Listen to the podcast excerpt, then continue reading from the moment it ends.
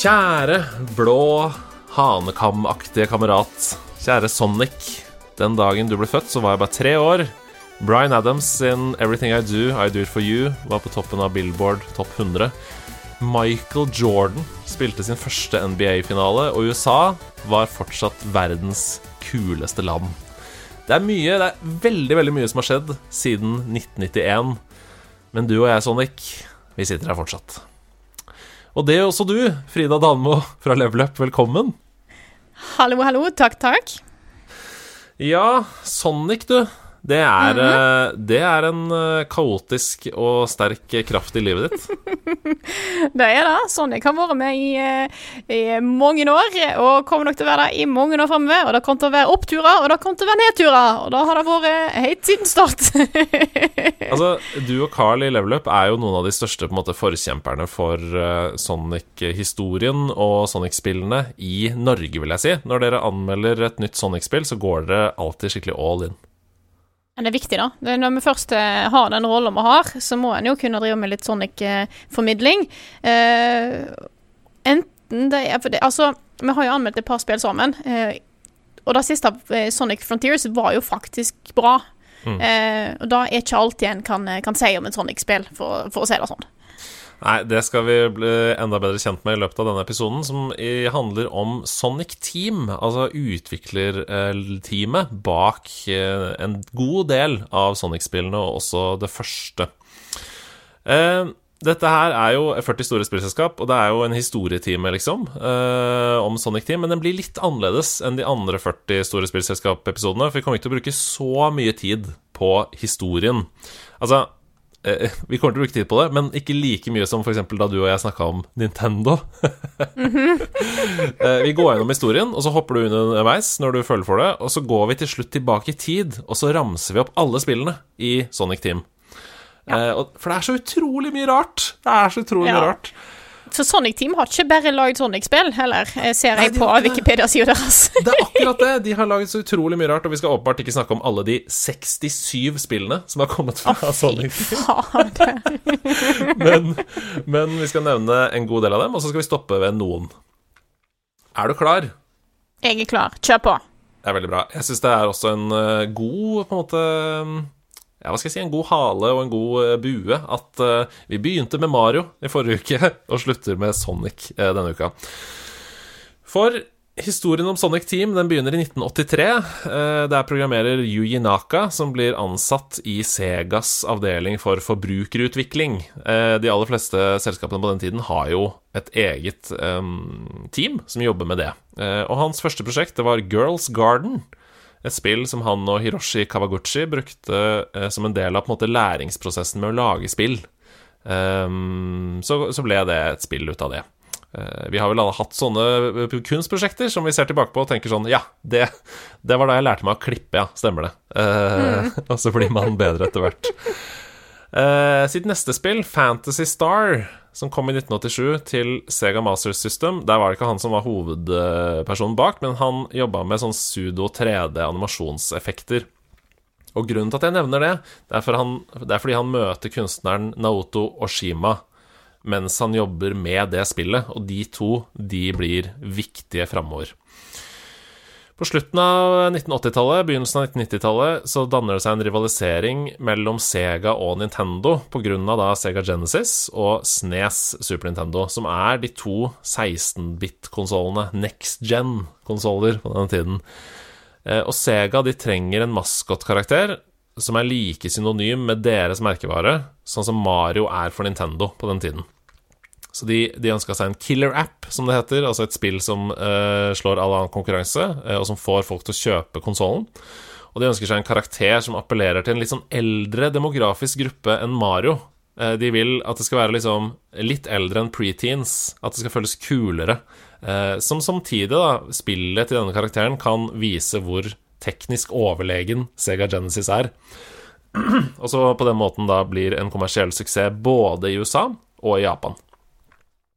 Eh, husker du noe fra den tiden her? Eller? Altså, ikke, du levde jo ikke, men eh, sånn i ettertid. Eh, husker du noe sånn Den konkurransen, har du lest opp på sånn hvor hissig det var mellom Sega og Nintendo på den tiden? Det er jo en del eh, Det er jo en del av en viktig del av spillhistorien. Det er jo mm. derre Sega does what Nintendo don't, er det ikke det? ja. Greiene. Og det er litt sånn det, det, Ting var litt mer Det var litt mer spisst, ja. Det var det. Eh, Og generelt spillreklame var jo ganske annerledes enn det det er nå. Mm. Det er et fascinerende rivaleri, spesielt Mm. siden jeg føler at jeg vet jo at eh, Carl i Level Up har jo et mye sterkere forhold til dette her enn det jeg har. Han er jo noen år eldre enn meg. Han Mm. følte veldig på dette å være en Sega-kid. Jeg eh, Sega var jo hans eh, Der han starta. Og jeg starta på Sega Megadrive, som han Genesisen så fint heter i Europa. Mm. Det er jo der jeg starta. Sonic var det første spillet mitt. Men Mm. jeg føler at jeg har hatt en veldig Jeg forsvant etter Megadrive. Eh, jeg Ja. gikk ikke videre på Dreamcast, f.eks. Eh, jeg forsvant inn i Nintendo sin verden. Så begge de to aktørene har vært veldig store i mitt, uh, mitt liv. Uh, men Kanskje Nintendo har hakket mer eh, større plass i hjertet mitt og i etterkant. Og så er det noe sånn historisk bakteppe for dette også, fordi Sega er jo eh, amerikansk, mens Nintendo er japansk, og vi har liksom Pearl Harbor i bakgrunnen, andre verdenskrig. Eh, og når du tenker på at Sega begynte eh, som et selskap som utvikla arkademaskiner for militæransatte på militærbaser i USA, så er det enda mer sånn Det føles som det rivaleriet stikker litt dypere enn bare på overflaten. Det er noe sånn Japan versus USA her, og derfor så er det jo også eh, sikkert enda vondere for den stolte japanske eh, kulturen at det er en japaner som lager eh, Sega, altså det amerikanske konkurrenten sin hovedkarakter, da. For Sega holder en intern karakterkonkurranse uh, i selskapet i, i, fordi de ønsker seg denne nye maskoten som jeg nevnte i stad. Uh, og da nevnte Oshima Han designer et blått pinnsvin som han gir navnet Sonic. Og Naka, denne andre eh, programmereren, han lager et prototypespill hvor han setter inn Sonic i hovedrollen. Og det her det kicka Sega fullstendig på. Eh, Men samtidig, Sonic-designet ble raffinert litt til for å være mindre aggressivt. Sonic var eh, vanskeligere å like i første utgave enn han ble da han traff eh, verden. Var ikke han først første kanin i tillegg? Var ikke Jo, han jo, jo, før han ble pinnsvin? Masse greier gjennom der. Eh, og eh, nei, han må være kulere, nei, han må være farligere og tøffere. Og da ble han altfor edgy igjen. Litt sånn som Shadow the Hedgehog. Eh, Bra de henter det fram igjen, tenker jeg. Ja. Ja, ja, ja, ja, ja. Eh, men Sega kikker som sagt veldig på dette. Eh, Sonic skal appellere til et bredere publikum, og utviklingen av det første plattformspillet, Sonic the Hedgehog, begynner.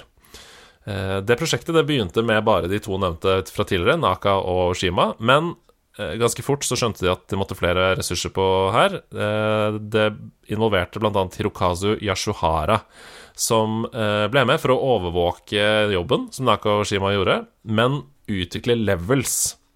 Og de skjønte fort at han hadde mye mer kompetanse enn det de satt på, så han ble hoveddesigner. Eh, Og Naka, som var mannen bak ideen, han ønsket seg en sånn enknappsfilosofi bak Sonic-spillene. Og nevnte Yashuhara ga han akkurat det i den geniale tvisten. Et av de mest geniale tvistene med Sonic-spillene. Sonic gjør skade ved å hoppe. Og ikke som i Mario-spill, ved å hoppe på ting, men bare ved å hoppe i seg selv. ja. For da spinner han, vet du. Og det er da Spikes som kommer og gjør eh, skade på fiender. Så det gir mening fra et liksom natur- og designperspektiv også. Et hoppende pinnsvin. Jeg er ikke keen på å få det på meg eh, sånn i Nei. naturen. Jeg har sett veldig få hoppende pinnsvin. Eh, generelt. De går som regel ganske rolig på plenen. Ja.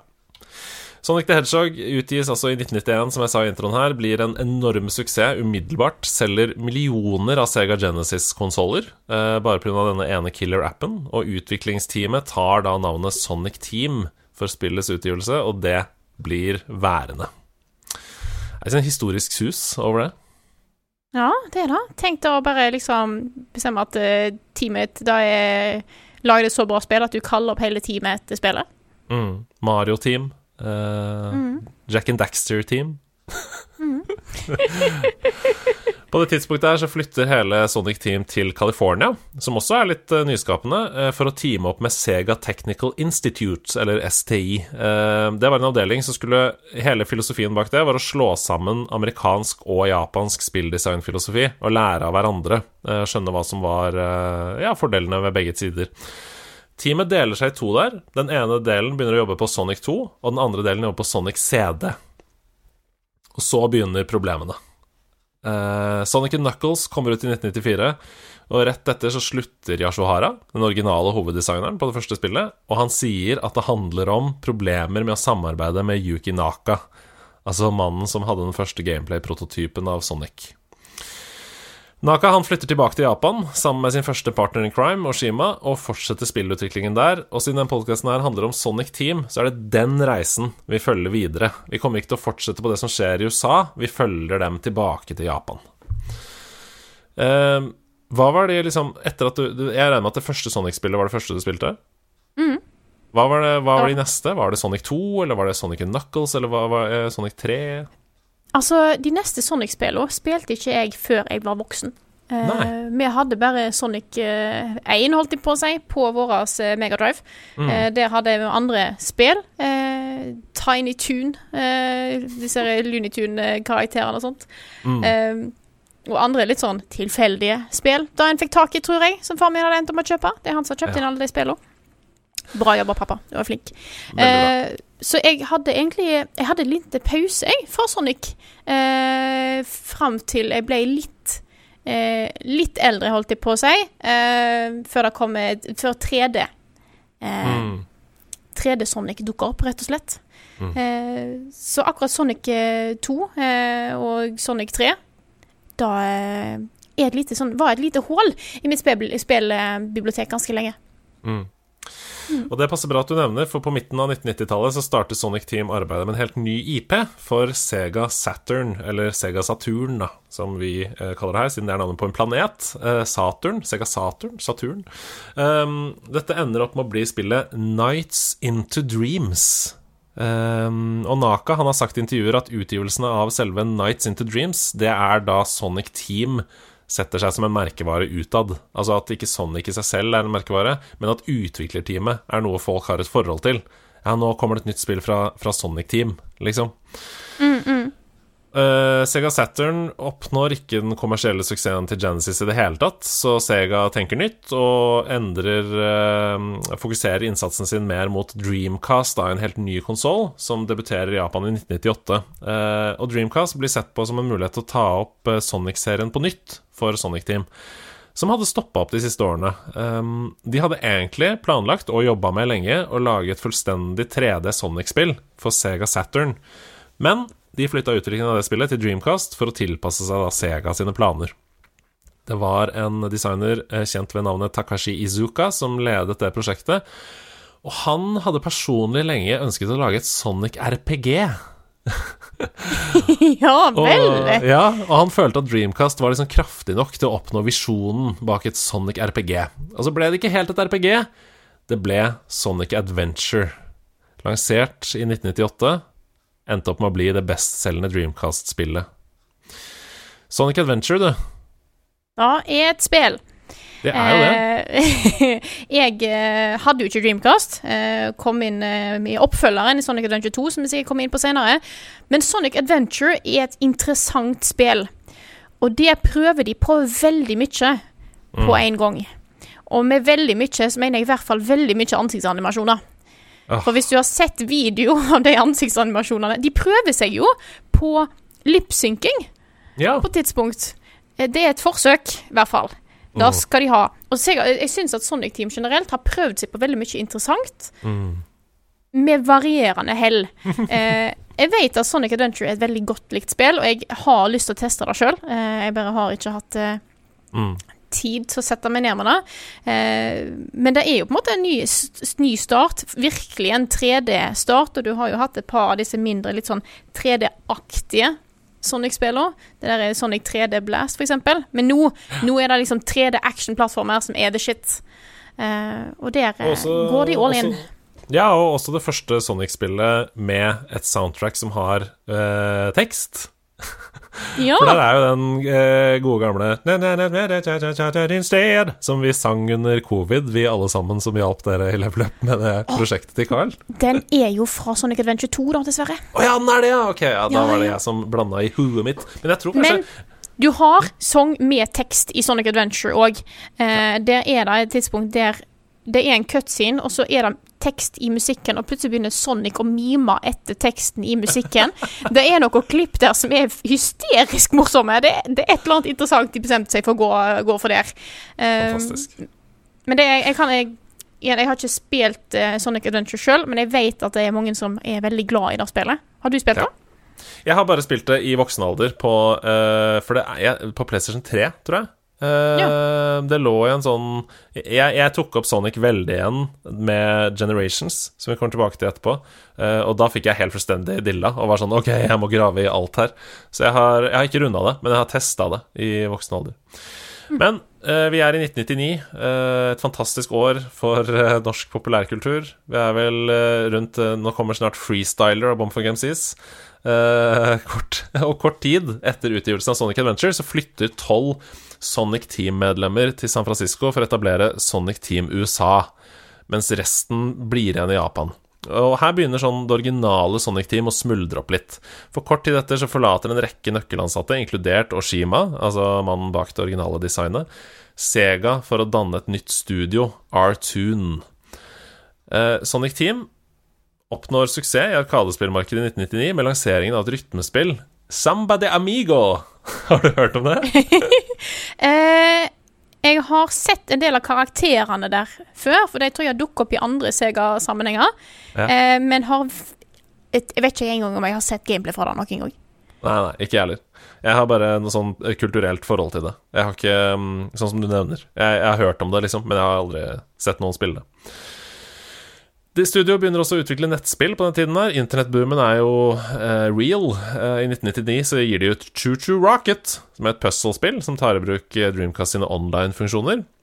Og denne funksjonaliteten den topper seg når Sonic Team i år 2000 slipper online rollespillet Fantasy Star Online. Til kritisk suksess, til kommersiell suksess. Det selger masse, masse kopier. Og det er altså verdens første online RPG for konsoll. Hæ? Helt sjukt. Altså, det er så mye kult uh, Sonic Team har testa eller prøvd seg på, og jeg må jo si Dreamcasten er jo litt av en konsoll. For dette kom til Dreamcast, gjorde det ikke det? Jo, Tenk, tenk da! Tenk at du Før GameCube og egentlig og alt dette så hadde Sega kommet med en konsoll som hadde mye online-funksjonalitet. ja, ja, ja. Det er jo ganske Masse. ko-ko. Jeg skjønner jo hvorfor den konsollen var dritdyr. Ja, det skjønner jeg også. Å putte nettverkskort i en konsoll på den tiden der, liksom. Som også ikke så ut som en uh, mega Altså, den var ikke noe klumpete og svær eller noen ting. Den var kul, liksom. Mm. Det går eh, veldig bra for Sonic Team i den perioden her, eh, til tross for en rekke godt mottatte spill til Dreamcast, altså um, uh, spillanmeldermessig. Så funker dessverre ikke konsollen for Sega, og det er nok fordi den er for dyr, som du snakker om. Eh, De slutter å lage den i 2001, og de forlater maskinvarebransjen eh, for alltid for å bli en fullblods tredjepartsutvikler da, eh, til andre konsoller. Og det preger Sonic Team, det her. Fra 2000 av og framover så gir de ut mange færre spill. Og Naka har sagt at de sliter med motivasjonen på den tiden her, fordi de ikke fikk lov til å utforske nye ideer og ny teknologi når de ikke jobba med egen hardware lenger. Og dette er jo det du har sagt hele tiden, at Sonic Team eh, hele tiden prøvde å tenke nytt, originalt, være kreative i måten de tenkte rundt spill, og det er kjernen, rett og slett, i Nakas visjon for eh, Sonic Team, men også for Sonic. For nå bestemmer de seg for å lage Sonic Heroes i stedet for Sonic Adventure 3. Eh, Har vi hoppa over Sonic Adventure 2? Ja, vi hoppa over Sonic Adventure 2, ja. Ja. Um, Kan jeg bare komme med en liten ting om Sonic Adventure 2 før vi går Absolutt, videre? Hvis det, hvis det er greit? ja, Det er jo en av mine favorittspill i hele serien. Uh, ikke fordi at det nødvendigvis er knallbra, uh, men det er bare at jeg har et personlig forhold til det. ja. Fordi at når vi snakker om nye ting som Sonic Team driver med, Sonic Adventure 2, cutscenesa, har jo motion capture. Wow! I 2001 så skulle de drive med motion capture for å Wow. animere Sonic. Det er jo helt sykt. Hvem er det som spilte rollen som Sonic? Da er jeg litt usikker på. Men du kan på en måte se det, for at alle karakterene opp, de liksom beveger seg litt weird. Kanskje Nolan North? Ja, det er nok Nolan North, ja. ja. For du har jo da folk som har stått i studio og gjort måtte, bevegelser som Ja. et menneske ville gjort. Og så har de Ja. bare superimposa menneskelige bevegelser på karakterer med veldig annerledes anato- anatomi. Ja. Wow. Og da funker litt sånn OK. Eh, Interessant å se tilbake igjen på. Så siden vi snakker om de prøver nye ting, jeg vil bare slenge inn motion capture av Sonic i 2001. Det er helt sykt. Eh, Når vi drar gjennom lista til slutt her, så kommer vi tilbake til Sonic Adventure 2, og da eh, er det bare å hoppe inn hvis du har noen andre historier om f.eks. Eh, Verden 3, der du gjorde eh, X, f.eks. Yes. Mm. Men, da Sonic kan vi gå tilbake igjen til Sonic Heroes. Ja, for Sonic Heroes, eh, det har jeg aldri spilt. Hva Har du spilt det? Det var et spill jeg ville ha, eh, fordi at jeg hadde jo spilt så mye Sonic Adventure 2, og nå kommer det liksom et nytt Sonic-spill, og jeg har testa det lite grann. Eh, jeg kan huske første gang jeg testa det, var liksom på ei sånn sofagruppe på, på bohus, der de hadde satt opp en GameCube som ungene kunne spille på mens foreldre var og kjøpte møbler. Fantastisk. Eh, og det er et interessant spill, for du spiller jo som tre karakterer. Ja. Eh, som du bytter på, tror jeg. For det er liksom ene hero-sida, så har du jo Sonic, Tails og Knuckles, og så har du på, på andre siden så har du Er det Shadow og eh, eh, Rouge og en robot, Ja. tror jeg? Ikke Eh, sant? hvis ikke jeg husker feil. Jeg har hørt at det er sånn OK. Ja. Jeg har, jeg har Eh, sett speedrun av det på GameStone Quick. Det er det eneste. Ja. Mm. Ja, det, det, det er i hvert fall interessant at de valgte å istedenfor å gjøre det samme Altså, de hadde en suksess i Sonic Adventures Nei, Adventure, eh, men gikk for en helt ny IP på en måte i Sonic-serien i stedet for det. Um, og det viser jo at de hele tiden prøvde å pushe originalitet og nye ideer, da. På den tiden her så er det masse kjedelige businessgreier, masse sammenslåinger som skjer, eh, som ender med at Naka slutter i 2006 eh, og starter sitt eget studio, Prope. Eh, stormannsgal som han hadde blitt. Og det var kanskje greit, eh, for han forlater Sonic Team midt under utviklingen av Sonic 2006. Og Sonic, Sonic 2006, det skulle være feiringen av Sonics 15-årsdag, men det spillet er djevelens verk. Fortell om Sonic 2006. Dette er et spill jeg eh, For jeg hadde ikke jeg hadde ikke en PlayStation 3 på dette tidspunktet, så dette spillet gikk meg litt grann sånn hus forbi. Så bra. Uh, men så har jeg hørt om det i senere tid, og jeg har jo òg prøvd det. Fordi at det er jo veldig mye knytta til Sonic 2006 som er verdt å uh, ta tak i. Eh, blant annet, eh, liten spoiler her, jeg håper det går greit. På et Mm. tidspunkt, Jeg har ikke sett det sjøl ennå, jeg har ikke kommet så langt i spillet. Jeg vet at Sonic kysser ei dame. Ikke sant? er virkelig dame. Og, da, Ja, eh, og det er så mye i det spillet der som bare ikke funker. Jeg har prøvd å spille de første timene. Da fins det opptak av på Level Up sin YouTube-kanal. Du kan se min glede av livet forsvinne i løpet av den videoen. Fordi at jeg begynner motiv motivert og interessert, og så er spillet bare fullstendig ræva. Det er så vanskelig å styre. Jeg blir kvalm av kameravinkelen. Eh, ting er bare håpløst. Det er jo et kaotisk, fullstendig kaotisk spill. Men igjen, her prøver Sonic Team på ganske mye interessant. Du har sidequests, du har ganske an- avansert eh, eh, intro-cinematic. De har helt klart eh, har en hub, en open verden-type ting. Mm. Men det er bare eh, de, de klarte ikke helt å komme i mål med ting, tror jeg. Nei, Det er altså litt teknisk, teknisk er det helt eh, krise. Eh, du faller gjennom bakken ganske ofte. Det er dritvanskelig å styre Sonic. Det er ikke noe gøy å spille som Sonic i det hele tatt. Eh, så hvis de hadde hatt eh, Tears of the Kingdom-approachen og tenkt vi polisher dette i ett år, sånn som de gjorde med Tears of the Kingdom, så hadde det kanskje funka. Men eh, ja, vi, vi, vi kommer tilbake til hva som var grunnen til dette eh, senere, for det skulle ta ni år før eh, en designer anerkjente hva som var feilen. Um, men Naka har altså forsvunnet fra Sonic Team. Og når, og når det er sagt, altså etter fadesen Sonic 2006, så ble tilsynelatende Sonic Team langt mer kreative etter at Naka forsvant. For nå, nå kommer det en rekke spill til både Wii og til DS, annet Sonic Unleashed og Sonic and the Secret Rings. Um, og de spillene får ikke spesielt gode anmeldelser, men de selger ganske bra. Um, kan kanskje stoppe litt ved Sonic Unleashed når vi kommer til den i oversikten senere. Mm. Kanskje ikke så fun fact, da. Eh, mer facts. Men hvis vi spoler fram til eh, Yuki Yuji Naka i 2023, altså designeren som slutta i Sonic Team, så ble han altså i går innstilt for to år i fengsel for innsidehandel på børsen. Ja. Eh, han, er dømt, han, er ikke dømt ennå, men rettssaken begynner den sommeren her, og det har gått nedover for Mr. Naka. Mm.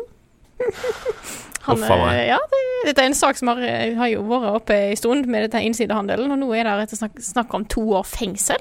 Ja, de er veldig strenge på den typen økonomisk kriminalitet i Japan. Kanskje en burde være strengere på de andre land òg? Det tipper jeg. Uh, og det er det uh, jeg, så, jeg leste litt kommentarer om det på Reddit, og folk er sånn uh, Grunnen til at alle er så sjokkert i USA, det er fordi denne typen kriminalitet bare aldri blir dømt i USA. Nei. alle bare kommer unna med det hele tida. Det er kjempegreit. Ja, ja. Ok, tilbake til Sonic Team. Det hadde en del å si for Sega på liksom ledernivå at merkevaren Sonic blir dratt gjennom søla i spillpressen selv om spillene selger bra, så er det liksom sånn Det er kjipt å gang på gang høre hvor dritt det er, liksom. Hvor dårlig spillet ditt er. Derfor så setter de inn Takashi Izuka, mannen bak Sonic Adventure, som ny leder av Sonic Team. Og hans visjon er ganske soleklar. De skal tilbake til røttene. Det skal handle om fart igjen. Uh, og i denne perioden her så kommer de med spill som Sonic the Hedgehog 4, Episode 1 and 2, uh, eh, Sonic Generations og Sonic Colors som alle selger bra, og som får gode anmeldelser.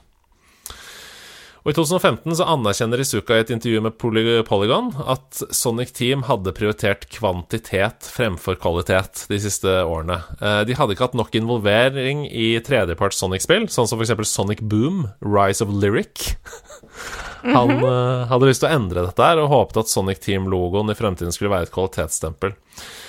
Hva tenker du om Sonic Boom, Rise of Lyric, bare fordi det er ikke i oversikten over Sonic Team? Så hvis du har noe om det, så tar vi det nå. Er det spillet som, eh, som Carl slakta i en anmeldelse på VG? Mm. Der du på et tidspunkt sitter Der han og Rune står på taket på VG og ser ut på sol solnedgangen og spør eh, om han Sonic noen gang vil komme tilbake igjen. Er, det ikke, er ikke det eneste Det er det eneste som er anmeldelsen? At han står på taket og ser utover, og så får det to av ti, eller noe sånt. Terningkast to. Ja, da, da er det eneste jeg vet om Sonic Boom.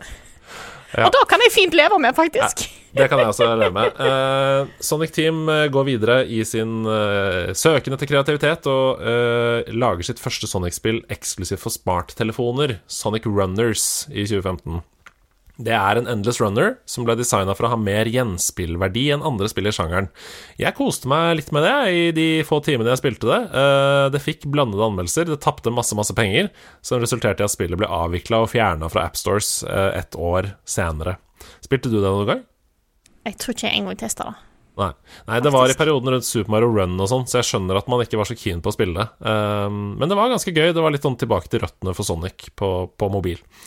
Endless Runners var ikke helt min ting, så det er nok Nei. derfor jeg ikke kastet meg over det. Hæ? Har du ikke Subway Surfers som Game of the Year? Nei. Men nå kommer altså beviset på at all kunst og kultur i overhengende grad handler om menneskene bak, og ikke IP-en i seg selv. For mens Sonic Team i 2017 jobber med Sonic Forces, som de utvikler og sliter med, så hadde de eh, samtidig eksekutiv produsentansvar over utviklingen av et fanlaget spill laget av gameren Christian Whitehead, Sonic Mania. Og Sonic Forces var retta mot et bredt publikum, det skulle være unge og voksne spillere, mens Mania fokuserte utelukkende på fans av de originale Sega Genesis-spillene. Og skulle du ha sett Mania blir altså det best anmeldte Sonic-spillet på 15 år, etter nesten to tiår med ganske blandede anmeldelser for franchisen, og blir altså en langt større suksess enn Sonic Forces. Kan ikke folk bare begynne å høre på oss, Frida? Ja, jeg syns det. Gå tilbake igjen til uh, the classics. Ja. Trenger ikke bare å, å, på en måte ta det som funker, og utvikle det, og ikke bare sånn Nå skal vi lage en RPG med Sonic, ja. for det går sikkert bra. Eller et fighting-spill. Det var sånn vi Ja. skal slåss mot andre. Sånn som Tekken. Ja. Um, på South by Southwest i mars 2019 så bekrefter Izuka at Sonic Team jobber med et nytt Sonic-spill. Det ble til Sonic Frontiers, som du nevnte i stad. Um, før vi begynner å gå inn i disse spillene, jeg skal bruke ca. et kvarter 20 minutter på det. Hva er veien videre for Sonic Team og Sonic-serien i seg selv? Altså, hva tror du er det neste? Nå fikk jo Sonic Frontiers eh, relativt bra kritikk. Det har veldig mye kule ting ved seg. Det har solgt veldig bra òg. Mm, det, det har det. Og det er jo fordi at det har bestemt seg for å ikke eh, Det gir de tingene som Sonic gjør, bra. Det er Mm. mye plasser der du kan bevege deg fort. Kule plattformsekvenser. Eh, dashing rundt omkring gjennom fiender. Eh, den type ting. Og det er da Sonic er god på. Mm. For når en ser tilbake igjen på, på la oss si utgivelser som Sonic Unleashed, så Mm. har jo da det er sånn, Ja, det er de Sonic-banene som er Sonic som springer på vanlige Sonic-baner, er fantastisk gode. Og så er han en werehog. Av en eller annen grunn så var det noen som mente at det var en god idé. Og det er litt sånn Jeg føler Endelig så kan det se ut at de har skjønt at hvis du bare lar Sonic være Sonic, så kommer du langt. Og da har jeg sagt siden, 2000, siden 2001 med Sonic Adventure 2 For de banene der Sonic får være Sonic, er det knallbra, og resten er sånn Det, det virker litt som at eh, Sonic Team ikke har skjønt at det er greit å bare ha Sonic-baner. Du Mm. må ikke ha en ekstra gimmick ved sida av. Og nå er jo i Sonic Frontier så er jo den gimmicken som er ved sida av, er at det er et open world. Mm. Men det funker med at du fortsatt lar Sonic være Sonic. Mm. Og med suksessen til eh, Sonic Mania og Sonic Frontiers, så håper jeg at Sega, nei, Sega Sonic Team tar den lærdommen med seg videre, Mm. og lar Sonic være Sonic. Jeg er helt enig i det. Det tror jeg de kommer til å gjøre også. Jeg tror vi får uh, flere spill jeg, i åpen verden-setting. Og jeg tror Jeg, jeg syns jo Sonic Frontiers var helt ok. Uh, ikke noe dårlig, men ikke sånn, det er ikke sånn at jeg tenker på det som en eh, et stort spill fra året det kom. Eh, det var i fjor, vel? Det kom i fjor, ja. Ja, det kom i fjor. I november. Men, mm. men, øh, men jeg ser for meg at det er et stort potensial der. At på en måte neste spill kan bli kjempebra. Nå har jeg sagt det om alle Pokémon-spill de siste øh, fem årene også, at det neste blir det beste. men men øh, jeg tror det, altså. Jeg tror oppfølgeren til Sonic Frontiers kan bli skikkelig bra. Ok, vi hopper tilbake til lista vår, vi. Eh, Sonic the Hedgehog 1991, første spillet. Eh, hvor, hvorfor var det viktig for deg? Det var på en måte en introduksjon til plattformingspill, Mm. for min del. Og da er, sånn som vi snakka litt om i forrige episode, plattformingspill er en av mine favorittsjangre. Og Mm. det kommer nok fra spill som Sonic eh, the Hedgehog. Mm. Eh, det var kul musikk fra den musikken i første Sonic-spillet. er Dritstilig. Ja, Spesielt i det kas dritkult. kasinoområdet. Det er helt fantastisk. Helt. Eh, men det, det hadde på en måte utrolig stilige eh, settinger. Eh, først var det jo bare Green Hill, som er stilig i seg sjøl. Du har ekstra secret-område hvis du tar nok ringer, som gir deg Chaos Emeralds, som òg er en stilig ting. Det har veldig mange ting ved seg som det gir bra, og nå husker jeg ikke hva som kom først i hodet mitt av eh, Sonic the Hedgehog og Super Mario World. Det er vel ganske Åh, det Jeg tror faktisk Sonic kom først, jeg. La oss sjekke. Mm -hmm. uh, For det kom i juni 2000, nei, 1991, ifølge Wikipedia. Ja. Og Super Mario Super World. Mario World. Ja, Det kommer an på om du skal være i Japan eller USA, da. Fordi i Japan så Ja. kom det 21. november 1990. OK. Men det er i hvert fall De må jo ha vært under utvikling ganske samtidig, og det begrenser hvor mye du kan gjøre på veldig kort tid, tenker jeg. Absolutt. Uansett, da. Eh, det er veldig mye stilig som, er, som, er, som Sonic the Hedgehog gjør, og Mm. setter på en måte litt tonen for den type kjapp plattforming. Mm. Mario var jo litt tregere, det var et annet opplegg. Men den flyten som en får i Sonic-spill, den starter der. Eh, og den har de virkelig Den er litt unik, altså. Da de fikk Ja. til det og har tatt med seg videre. De tidspunktene der Sonic-spill er gode, du ser det samme hele veien. Det handler om flyt. Eh, og da få Eh, til det med den konsollen Stilig. Knallstilig. Ja. Helt enig. Og eh, tenk at det har vært sånn siden 1991. Det er litt som at vi snakka om i forrige uke at Super Mario World er tidløst. Uh, Sonic the Hedgehog 1 er også tidløst. Det kommer til å være gøy å spille i 2525. Eh, hvis vi fins. Uh, Yes. men, men men ja, Sonic the Hedgehog, fantastisk spill. Vi går videre til Nights Into Dreams. Vi, vi hopper rett dit. Um, Og det er jo Altså, har du sett det gameplayet av det i det hele tatt? Nei, ingenting, tror jeg. Jeg har sett karakteren, men ellers Ja. ingenting. For det er jo en karakter som heter Knights. Um, og ligner jo på mange måter litt på Sonic, eller? Det er to spiky ting på hodet, er det ikke det? Jo da, og har lange bein og som ser ut som løper fort, men flyr eh, på en måte litt mer gjennom baner isteden. Kan fly i større grad. Men det er et, eh, det er et actionspill, um, og det solgte bra. Fikk gode anmeldelser da det kom, og var da utelukkende for Sega Saturn. Dette eh, ja, litt feilede konsollen til Sega, som mange konsoller var. Men det fikk liksom Det ligger på 89 av 100 på Game Rankings. Um, og fikk toppscore av bl.a. Computer and Video Games da det kom, og 8,7 av 10 av IGN. Så det er jo ikke noe dårlig spill. Det er et kjempebra spill. Um, men fikk nok eh, mest oppmerksomhet i Japan, rett og slett. Vi hopper til Sonic 3D Blast. Har du spilt det? Jeg har ikke spilt det, men jeg har sett litt videoer. da Det er dette her som er sånn Det er sånn nesten 3D. Ja. Det er sånn, Vi prøver oss på 3D, men vi har ikke helt skjønt hvordan det funker ennå. Vi har litt begrensninger. Så vi, du har på en måte litt sånn top down 3D. Ja. Sånn isometrisk, er det vel det det heter. Ja, ja, absolutt. Sånn GTA 3D. Eh, jeg syns at Sonic ser litt sånn eh, rund ut, er det lov å si? Mm, Det, det er noe med han som er på en sånn veldig sånn typisk tre, tidlig 3D-animasjon. mm. Um, ja. Jeg er helt er lite, ellers lite erfaring med spillet. Jeg er enig. Eh, Det neste på lista er Det kommer til å gå litt sånn fort her, altså, så vi bare stopper ved det vi har lyst til å stoppe. Det er helt greit å ikke stoppe ved alle også. Eh, Sonic Jam syns jeg er litt interessant, for det er jo eh, en på en måte samlepakke som er de første fire Sonic-spillene i ett spill. Men så har det også en 3D-verden som heter liksom Sonic World i seg, som er et slags sånn museum du går rundt i. Hvor du kan se på Ok. f.eks. TV-reklamer og sånn. Og det Hvis du ser på video av det, så føles det helt uh, Ja. Hvis du ser på coveret av Sonic Jam, så ser du også hvordan det føles ut i 3D. Sonic R. Racingspillet fra 1997. Mm. Dette er jo Men- Mario Kart. Uh, Prøv å ta opp kamp mot Mario Kart, liksom.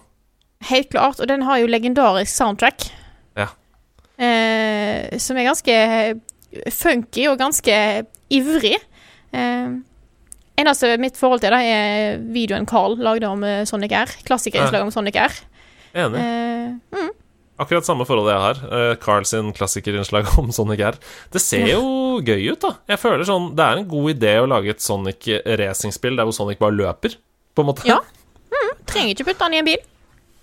Nei. Uh, så er det Sonic Adventure. Uh, vi har et spill inni midten der som heter Burning Rangers, som er ja, også et actionspill.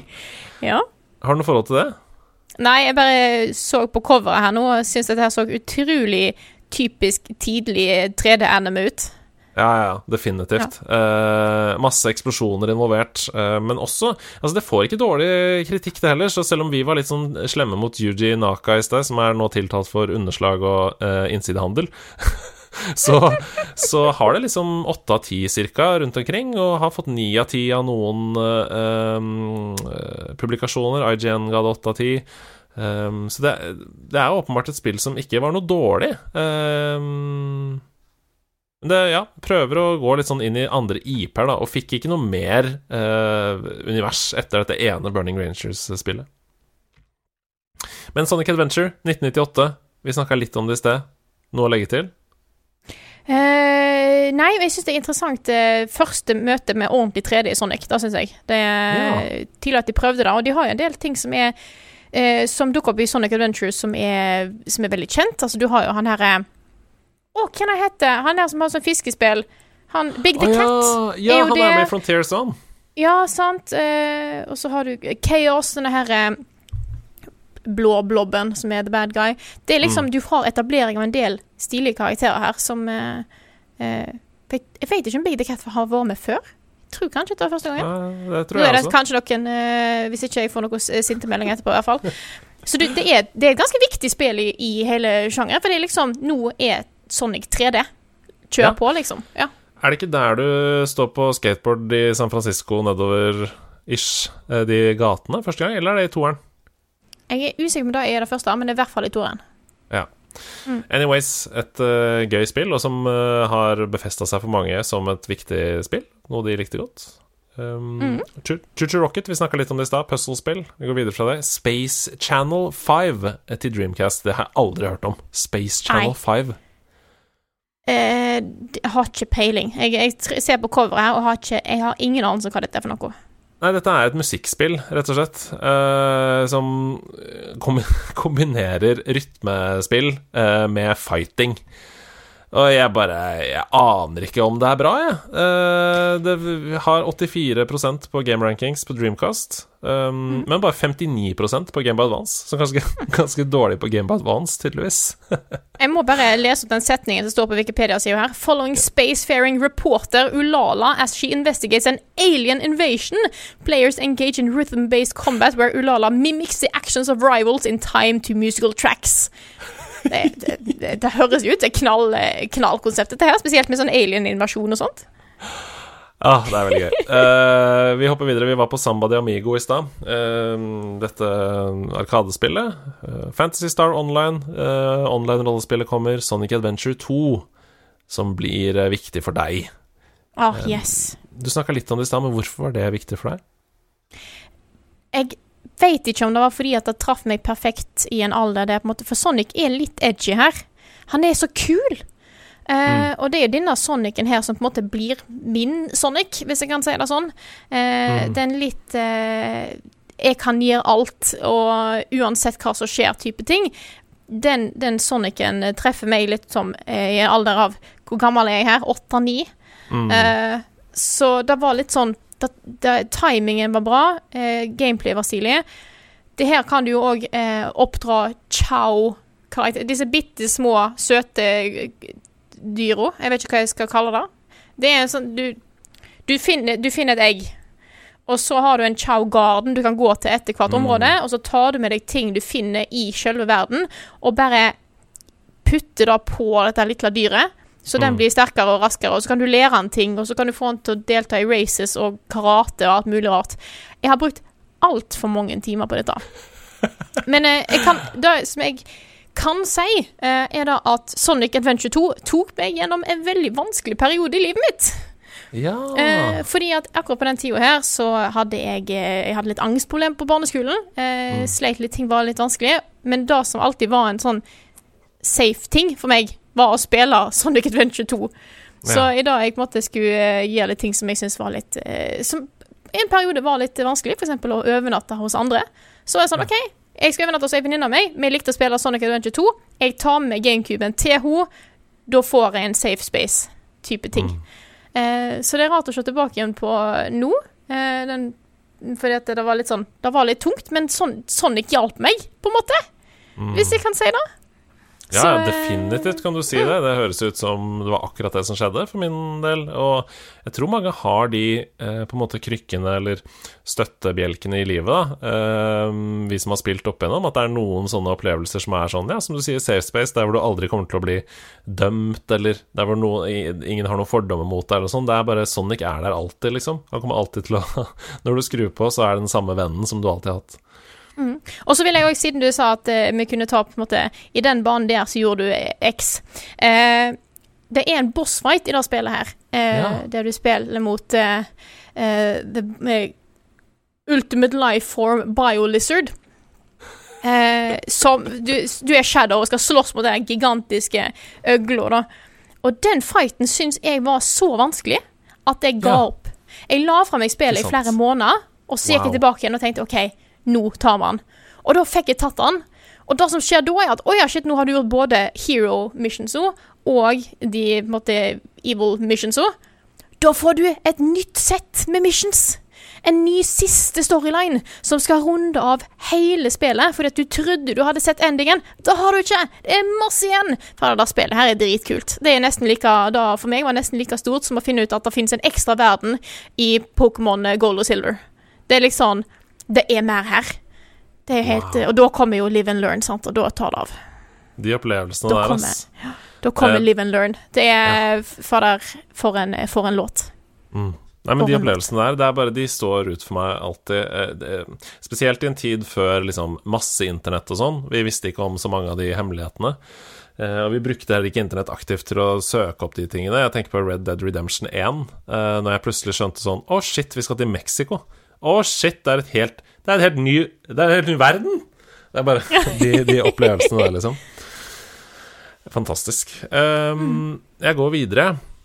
Yeah. Det kommer en rekke spill på rad her. Uh, Puyo Pop, uh, puslespill Rez, som er et uh, musikk... Uh, altså sånn rytme musical rail shooter. Rytmespill eh, hvor du skyter. Det syns jeg var kjempebra. Det kom i en eh, port til Xbox 360 som het Rez HD. Eh, så alle de som har et forhold til Rest der ute, I see you, bra spill. Eh, Space Channel 5 fikk en oppfølger, part 2.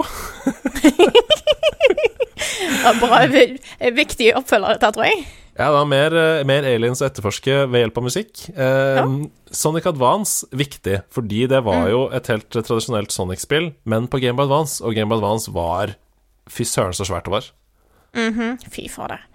Mm. Jeg husker at det tok lang tid før jeg fikk komme rundt og spilt Sonic Advance, men eh, jeg kan huske at jeg likte det veldig godt. Ja. ja, og Sonic Advance 2 også, veldig bra. En grunn til at det fikk en oppfølger, nettopp fordi det var en kommersiell suksess, og ja, det var bare Skulle du ha sett. Vi gikk tilbake til originaloppskriften, og det funka, gitt. La oss ikke gjøre det neste gang. Ja. Sonic Battle på Game Boy Advance, har du spilt det? Uh, Sonic Battle? Det er rett og slett et fighting-spill på, på Game of Advance. Så jeg nevnte det så vidt i stad uh, Når jeg sa sånn Kanskje vi ikke skal lage fighting-spill. Det er et Ja. eh, fullblods uh, fighting-spill. Eh, som, som Tekken, liksom. Eh, Med Sonic i hovedrollen. Klassisk seks av ti-spill. Veldig ikke spillbart. Jeg kan Så- holde meg inn på Gameboy Advance. Jeg kan huske at jeg spilte et Sonic pinball-spill på Gameboy Advance som jeg likte veldig godt. Sonic Pinball Party. Det var kjempebra. Eh, og, og Sonic Pinball, det er jo egentlig ikke Altså, Sonic Spinball var det første pinballspillet jeg spilte til Sega. Fantastiske spill. Jeg elska Sonic Spinball. Spilte det kjempemasse hos Eirik Lindsund, min venn. Eh, men det er ikke av Sonic Team. Det er derfor vi ikke har snakka om det. Men Sonic Ja, Pinball mm. Party, derimot, det er av Sonic Team. Men du spilte det, altså?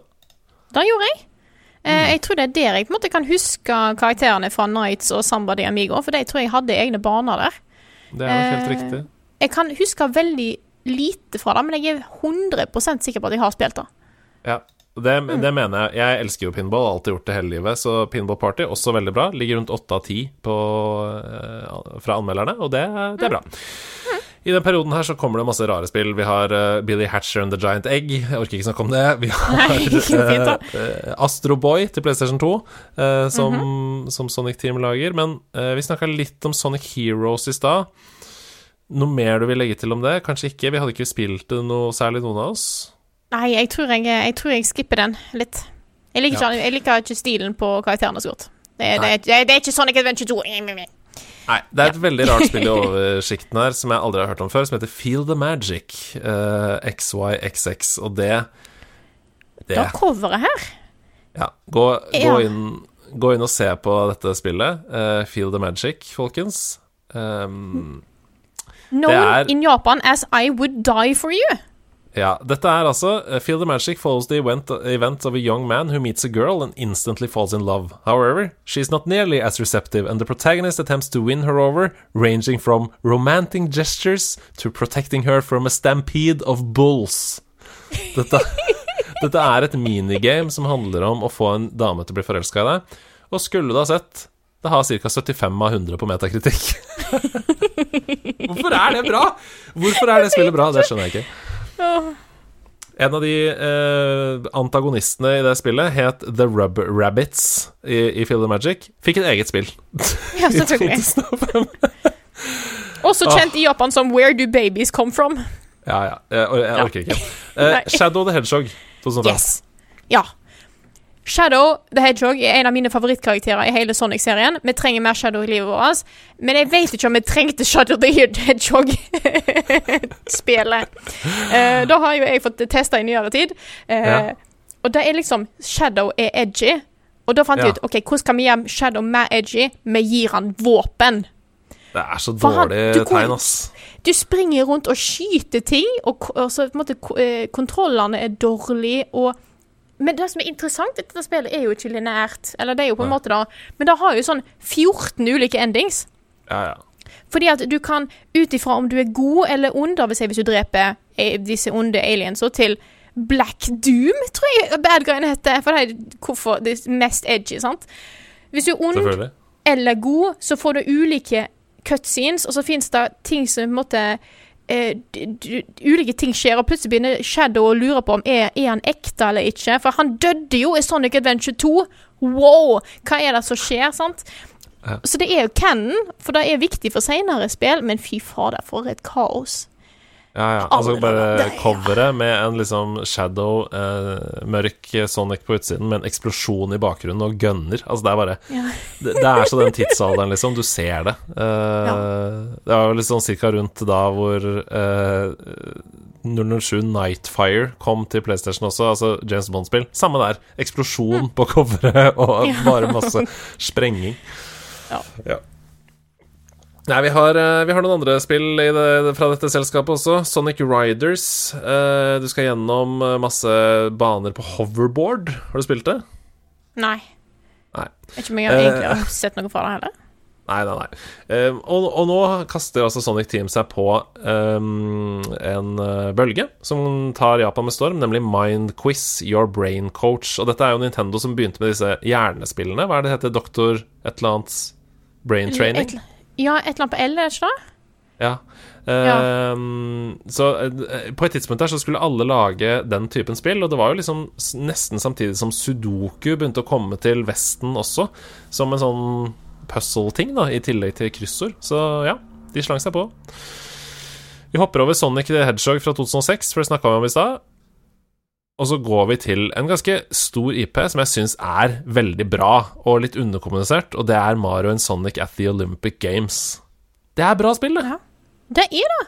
Det er Jeg syns det er Det er morsomt. Altså, Olympic Games-type spill har jo vært en stor ting i mange år. Jeg kan huske Vi har jo eh, OL på Lillehammer-spillet på Sega Megadrive.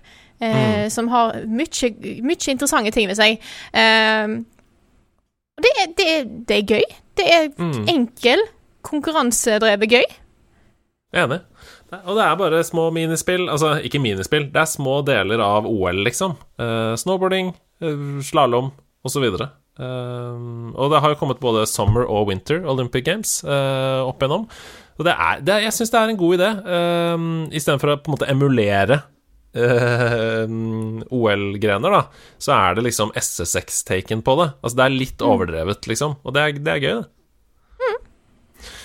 Eh, I den perioden her så begynner liksom det teamet å finne seg sjøl. Det er noen IP-er som de står ved. Eh, det- kommer flere Nights-spill, det kommer flere Fantasy Star-spill, eh, og det kommer flere Mario Sonic at the Olympic Games-spill, og ikke minst disse Puyo Puyo-spillene, da, altså puzzle-spillene deres. Men Sonic Unleashed Vi var bare så vidt innom det i stad, med Werewolf. Hva, er det et eh, hva, Hvordan er det man spiller? Jeg har aldri spilt det. Er det 3D? Er det plattform? Hvordan er det? Det er 3D, eh, og du har to ulike deler eh, av spillet. Den ene delen er Sonic som springer rundt sånn som Sonic pleier å gjøre, i 3D-området. Og de er fantastiske. Det er noen av de beste banene som Sonic har lagd, eller Sonic-teamet har lagd til Sonic på Mm. Musikken er fantastisk, eh, og feelingen på banene er, og hastigheten og alt bare treffer. Og så Mm. har du Warehog-tidspunktet òg. Eh, der du spiller som et eh, rart eh, pinnsvinmonster, som òg er en ulv, tror jeg, eh, og går rundt og slåss. Og du har angrep Nice. som på en måte plutselig blir armene hans lange, og du kan på en måte Det er litt plattforming i dette her, men det er mest et actionspill der du skal slåss mot fiender.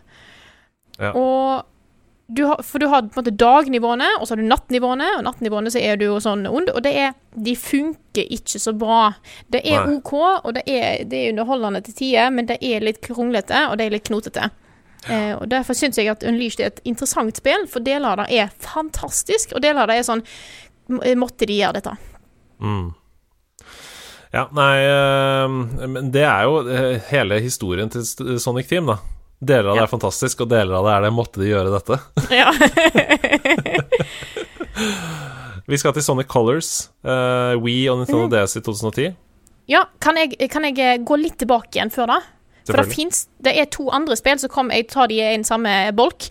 Ja. Sonic and the Secret Rings og Sonic and the Black Knight. Ja, jeg nevnte To- jo Secret Rings så vidt i stad, eh, men jeg hoppa over dem nå. Men kjør på. Det, jeg har ikke noe Ja. forhold til Black Knight i det hele tatt, men han har et svært sverd på coveret. Ja. Eh, tingen er at dette er en periode der jeg spilte enormt mye. Eh, Jeg hadde Wii-konsollen har jeg 50 spill til, tror jeg.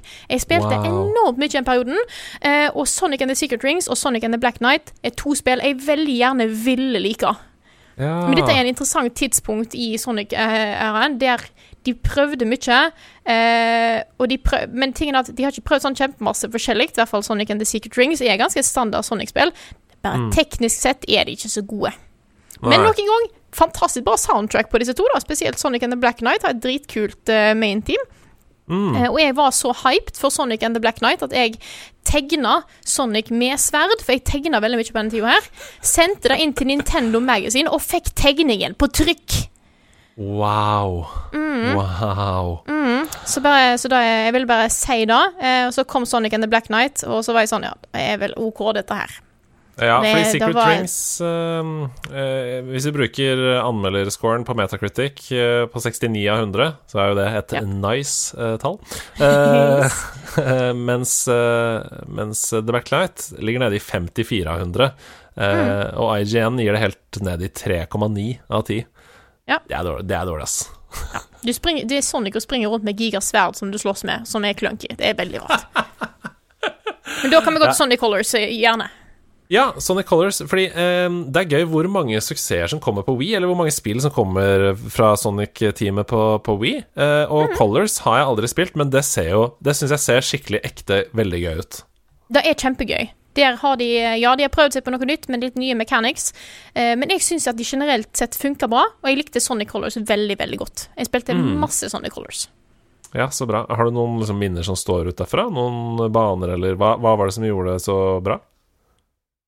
Jeg tror det er vel kombinasjonen med at du har både liksom kjapp manøvrering, men òg en del av disse mekanikkene. For du har sånne wisps du fanger, som gjør Mm. at Sonic plutselig kan liksom grave seg ned i bakken og litt sånne ting. Uh, Mm. Jeg syns det ga en god variasjon til, til resten av gameplayet. Uh, føltes veldig som noe nytt, og som funka. Mm. Ja, så bra. Nå, er jo, nå er jo Team Sonic midt i Sonic-boomen, ordspill. Fordi det kommer så mange Sonic-spill nå. Generations skal jo være en hyllest av eh, Sonic sitt 20-årsjubileum, og det funker dritbra. Generations på PlayStation 3 var det som fikk meg inn i Sonic igjen. Eh, kjempebra spill. Du mikser mellom moderne gameplay og originalt gammelt gameplay, 2D og 3D, og jeg syns det er kjempegøy. Fart Uh, Ja, eh, det var vanskelig. Det var bare sånn Bare én level til. Bare én level til. Mm. Jeg tror det var mange som ikke hadde noe forhold til Sonic før det. Altså- Altså en ny generasjon, Ja. gøy, siden spillet heter Generations, kom inn i Sonic da. Spilte du det? Eh, ja, jeg er usikker på om jeg faktisk blir ferdig med det, men jeg kan huske at jeg likte det veldig godt, altså. Mm. Jeg merker at, jeg, eh, at eh, det var classic Sonic-banene. Det var jeg på en måte Siden jeg har hatt mest å gjøre med 3D Sonic, så var, eh, var det 3D Sonic-banene som jeg likte best. Mm. Ja, jeg likte to av best, selvfølgelig. Men, Mm. men det er Jeg likte også 3D veldig godt, så det var ikke noe sånn at jeg ikke likte det. Det koker over av spill. Sonic Hedgehog 4 episode 2, Mario Sonic and the Olympic Games, eh, Lost World. Det er et hull i min uh, Sonic-periode. Hva er det for Samme her. Har ikke peiling. Fantastisk. Gå inn på YouTube og se på video av Sonic Lost World, mens vi går videre via uh, Boom. Uh, både Rise of Lyric og Shattered Crystal, to forskjellige spill til Wii U og 3DS. Sonic Runners, som vi snakka om i stad, på mobil. Sonic Forces. Ehm, der kan vi stoppe Ja. litt. Ja, lite grann. For nå går Sonic Team ned i et hull jeg ikke helt trodde de kom til å gå ned i, nemlig lag din egen Sonic-karakter-hullet. Det er så rart. Den er, jo, den er jo veldig stor på internett, eh, Ja. har jeg funnet ut. Lager sin egen Sonic-avatar, og her kunne du faktisk gjøre det. Ja. Jeg skjønner ikke egentlig helt hvorfor, for jeg vil spille som Sonic, og ikke den, rare, den tingen jeg har lagd. Ja, ja. Eh, og banene var litt sånn uinspirert, syns jeg, i tillegg. Ja, klassisk det- terningkast tre-spill. Ja. Veldig. Uh, jeg har bare så vidt vært borti det og tenkte dette er for kjedelig til at jeg gidder å spille det mer. Ja, men du har jo den, den mest edgy, edgy, edgy, edgy, edgy bad guyen noensinne. Mm. Uh, Infinite. Som Ja. er ond 100% through and through.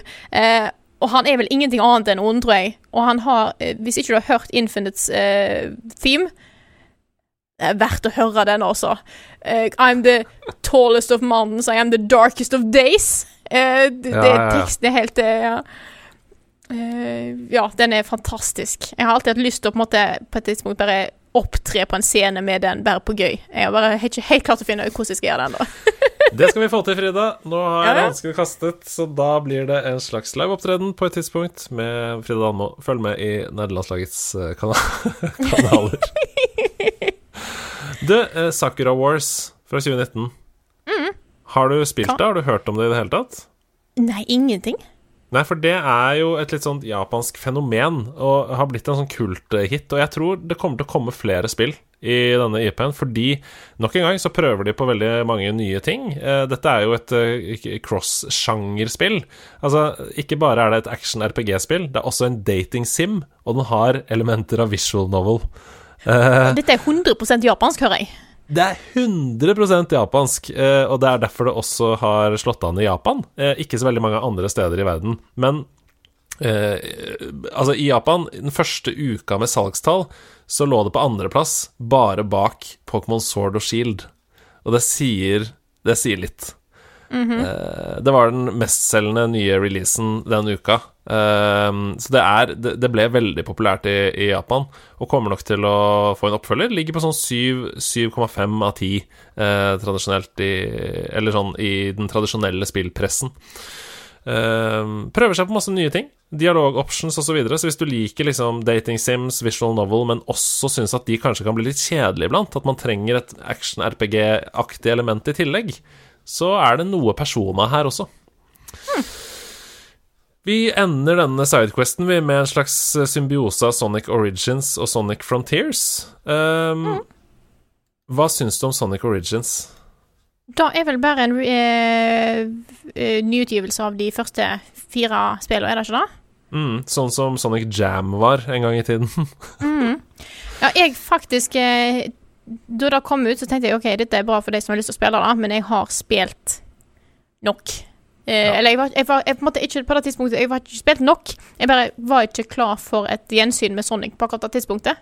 Så jeg har Nei. faktisk ikke testa Sonic Origins. Nei, Um. det som er gøy med det, er at eh, det inneholder jo også Sonic 3 and Knuckles, som var det spillet hvor du måtte sette et spill oppi et annet spill for å kunne spille det. eh, Ja, mm. En gang i tiden. Eh, og det soundtracket er jo delvis lagd av Michael Jackson. Ja. Um, og det var det ingen som Det var bare spekulasjoner i det på den tiden. Uh, fordi mm, musikken hørtes åpenbart ut som f.eks. 'Stranger in Moscow', eh, låta til Michael Jackson, osv. Noen av bandene. Men det ble aldri bekrefta, og det var et uh, sånt kodenavn i rulleteksten. Altså et sånt pseudonym. Ja. Men nå, og i forbindelse med utgivningen av Origins, så er det bekrefta at Michael Jackson jobba med eh, Sonic 3 Knuckles. Så de endte vel opp med å endre litt av soundtracket for å unngå litt sånn lisensproblem, tror jeg. Mm. Eh, og da er jo eh, Da bringer meg til eh, komponisten for ganske mange av de nyere Sonic-spillene. Eh, Jun Sinoe. Ja. Han eh, er jo kjent for å skrive mye Sonic eh, Sonic-musikk. Han er jo òg eh, gitarist og skriver låter fra bandet Crush 40. Faen meg dritbra band som dukker opp i så mange Sonic-spill. Det er de som har Live and Learn og alle disse classic sånne der, litt sånn rar rockelåtene som dukker opp i enormt mange Sonic-spill. Eh, og som er et, et, et, viktig, eh, et viktig band for, for min spillhistorie. Eh, jeg har vel både signert Crush 40 CD og soundtracket for Sonic Adventure 2 og signert av han eh, Jun Senoe, Yeah. faktisk, i min hylle. Fantastisk. Så derfor, ja, det, dette, her, dette har vært viktig for meg. Eh, den her er litt sånn eh, edgy puddelrocken som, eh, som Crush 40 eh, er eh, og har. Jeg mener helt klart at Crush 40 er nødt til å gjøre en opptreden i tredje Sonic-filmen. Eh, der ser ut til at Shadow, Shadow skal være med. Eh, det er, da, jeg trenger at det skjer, faktisk. Det, det skal vi få til. Jeg bare ringer uh, retten, rettssystemet Ja. i Japan, der hvor han Naka sitter, og så prøver vi å få til det. Um, hva er det beste med Sonic Frontiers for deg? Uh, jeg, har, egentlig to spørsmål knytta til dette, men du kan få svare på det først. Jeg var litt sånn skeptisk til slåssingen, men jeg syns det funka ganske bra. Men hva, hva var det beste for deg? Det beste er nok de veldig lange, sammenhengende plattformsegmentene som en får i den hovedåpen-verdenen. For Mm. hvis du I det du gjør en puzzle, så er det sånn Å ja, her var det en til. Den kan jeg gå på. Og plutselig så har du beveget deg over halve kartet. Egentlig uten Ja. at du har tenkt over det. For alle, selv om jeg var litt skeptisk når du, når du så tidlig video. Dette er bare sånn, Du ser at det er et eller annet som bare flyter opp i, i- opp i lufta, der alt ser litt sånn malplassert ut. Men så innser du at alt egentlig er lagd veldig smart og sammenhengende. Det er lagd for å ta deg til et område, til det neste, og så videre, og, og videre derifra. Så alt er lagd veldig sømløst. Ja. Eh, og da har jeg veldig sansen for. Pluss altså- at de, de, du har jo noen sånne hemmelige områder rundt omkring der du får eh, 3D Sonic-baner. Mange av de er inspirert fra andre spill, og noen av de er rett og slett 100 remakes av baner fra Sonic Adventure 2. Og jeg vet at sannsynligvis vil jeg aldri få en remake av Sonic Adventure 2, og dette er nærme nok for meg. Det, er, gir meg eh, den nostalgiske biten jeg trenger til Sonic Adventure 2. Ja, det er koselig å høre. Jeg, jeg har lyst til å spørre, fordi det var jo Ida som anmeldte det for oss i nederlandslaget.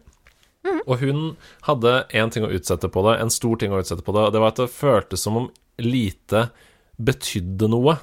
Eh, fordi på et tidspunkt så åpner du denne fiskemodusen, og da kan du jo basically fiske deg gjennom spillet, kan du ikke det? Jo, du kan fiske gjennom det området du er i der og da. Ja. på en måte. Eh, og jeg kan skjønne den biten. Da gjør jeg. Det var litt interessant å bare plutselig få Du hadde bare Du hadde et par sånne mynter du trong for å fiske, og så så du Å ja, shit, her kan jeg få dritkule ting. Og plutselig bare begynner det å regne mynter. Eh, nesten. Eh, ikke sånn faktisk, men det er ikke langt ifra. Og så sitter du Ja. der med en milliard mynter du kan bruke på å fiske, og da får du alle tingene du trenger. Ja. Det er litt rart, egentlig, vil jeg si. Ja. Eh, er bare den følelsen av at uh, du, du skulle egentlig redde universet, og det sto masse på spill, og så plutselig så kunne du bare fiske deg til seier. Men jeg synes det som helt klart er det som gjør meg mest sint i Sonic Frontiers, er bossfightsa. Jeg syns de er dårlige. Jeg syns de er frustrerende. Jeg syns de er vanskelig å forstå. Jeg syns de er vanskelig å følge med på. Eh, og så gjør de dette her mens jeg er sint, til utrolig sint metal. Herregud, det er sinteste soundtracket jeg har vært borti i et spill. Og da blir jeg bare mer sint. For da bare Ja. sitter du der i en sånn ball av frustrasjon og sinne, og musikken hjelper ikke akkurat. Eh, Jeg husker at jeg syntes det var masete, det også. Eh, Jeg er jo egentlig litt, ja, ganske ok glad i metal, men det, det passer ikke. Det blir, for, det blir slitsomt pluss slitsomt, blir ikke Ja. gøy. Nei, det er ikke sånn der eh, eh, to negative blir en positiv type ting. Det er det ikke. Nei, men utrolig gøy. En time og ti minutter cirka om uh, Sonic Team. Uh, sånn blir det når det er 67 spill og masse rettskonflikter uh, involvert. ja. Hva, har du lyst til å legge til noe til slutt? Jeg er veldig spent på å se hvor Sonic går videre. Fordi en vet alltid at hvis det har vært et bra Sonic-spill, så er det ikke alltid det kommer et bra Sonic-spill etterpå. Eh, men det er lov å håpe Det er lov å håpe om at, eh, at eh, Sonic Team har skjønt at det er lov å gå tilbake igjen til røttene og finne ut hva som funker, og så ta det derfra istedenfor å skulle absolutt lage alle ting helt fra scratch hver eneste gang. Mm. Nei, en ting er i hvert fall sikkert, og det er at Sonic er en av tidenes uh, største spillfigurer. Nå har vi 30 pluss år med vedkommende, og det er ingenting som tyder på at det skal slutte med det første, så det er vi veldig takknemlige for. I motsetning til en liten fyr uten ledd fra Ubisoft, som ikke fins lenger. Nei. Please revive Rayman! Ja. Jeg tror vi gir oss der, med mindre du hadde noe mer på hjertet. Kan, kan jeg legge til en siste ting? Ja. Eh, for nå, jeg, nå føler jeg at jeg har vært litt negativ til Sonic. Eh, for det er lett å bli, for det er ikke alle spillere som er så gode. Men det er utrolig mye med Sonic-serien som er veldig, veldig bra. Eh, og det er veldig lett å henge seg opp i de tingene som ikke funker, for alle spill og i nyere tid nesten har ting som ikke funker. Men kjernen i Sonic-serien, som er denne fantastiske plattforming Kjappe plattforming-konseptet som Sonic gjør annerledes enn alle andre, det funker så bra.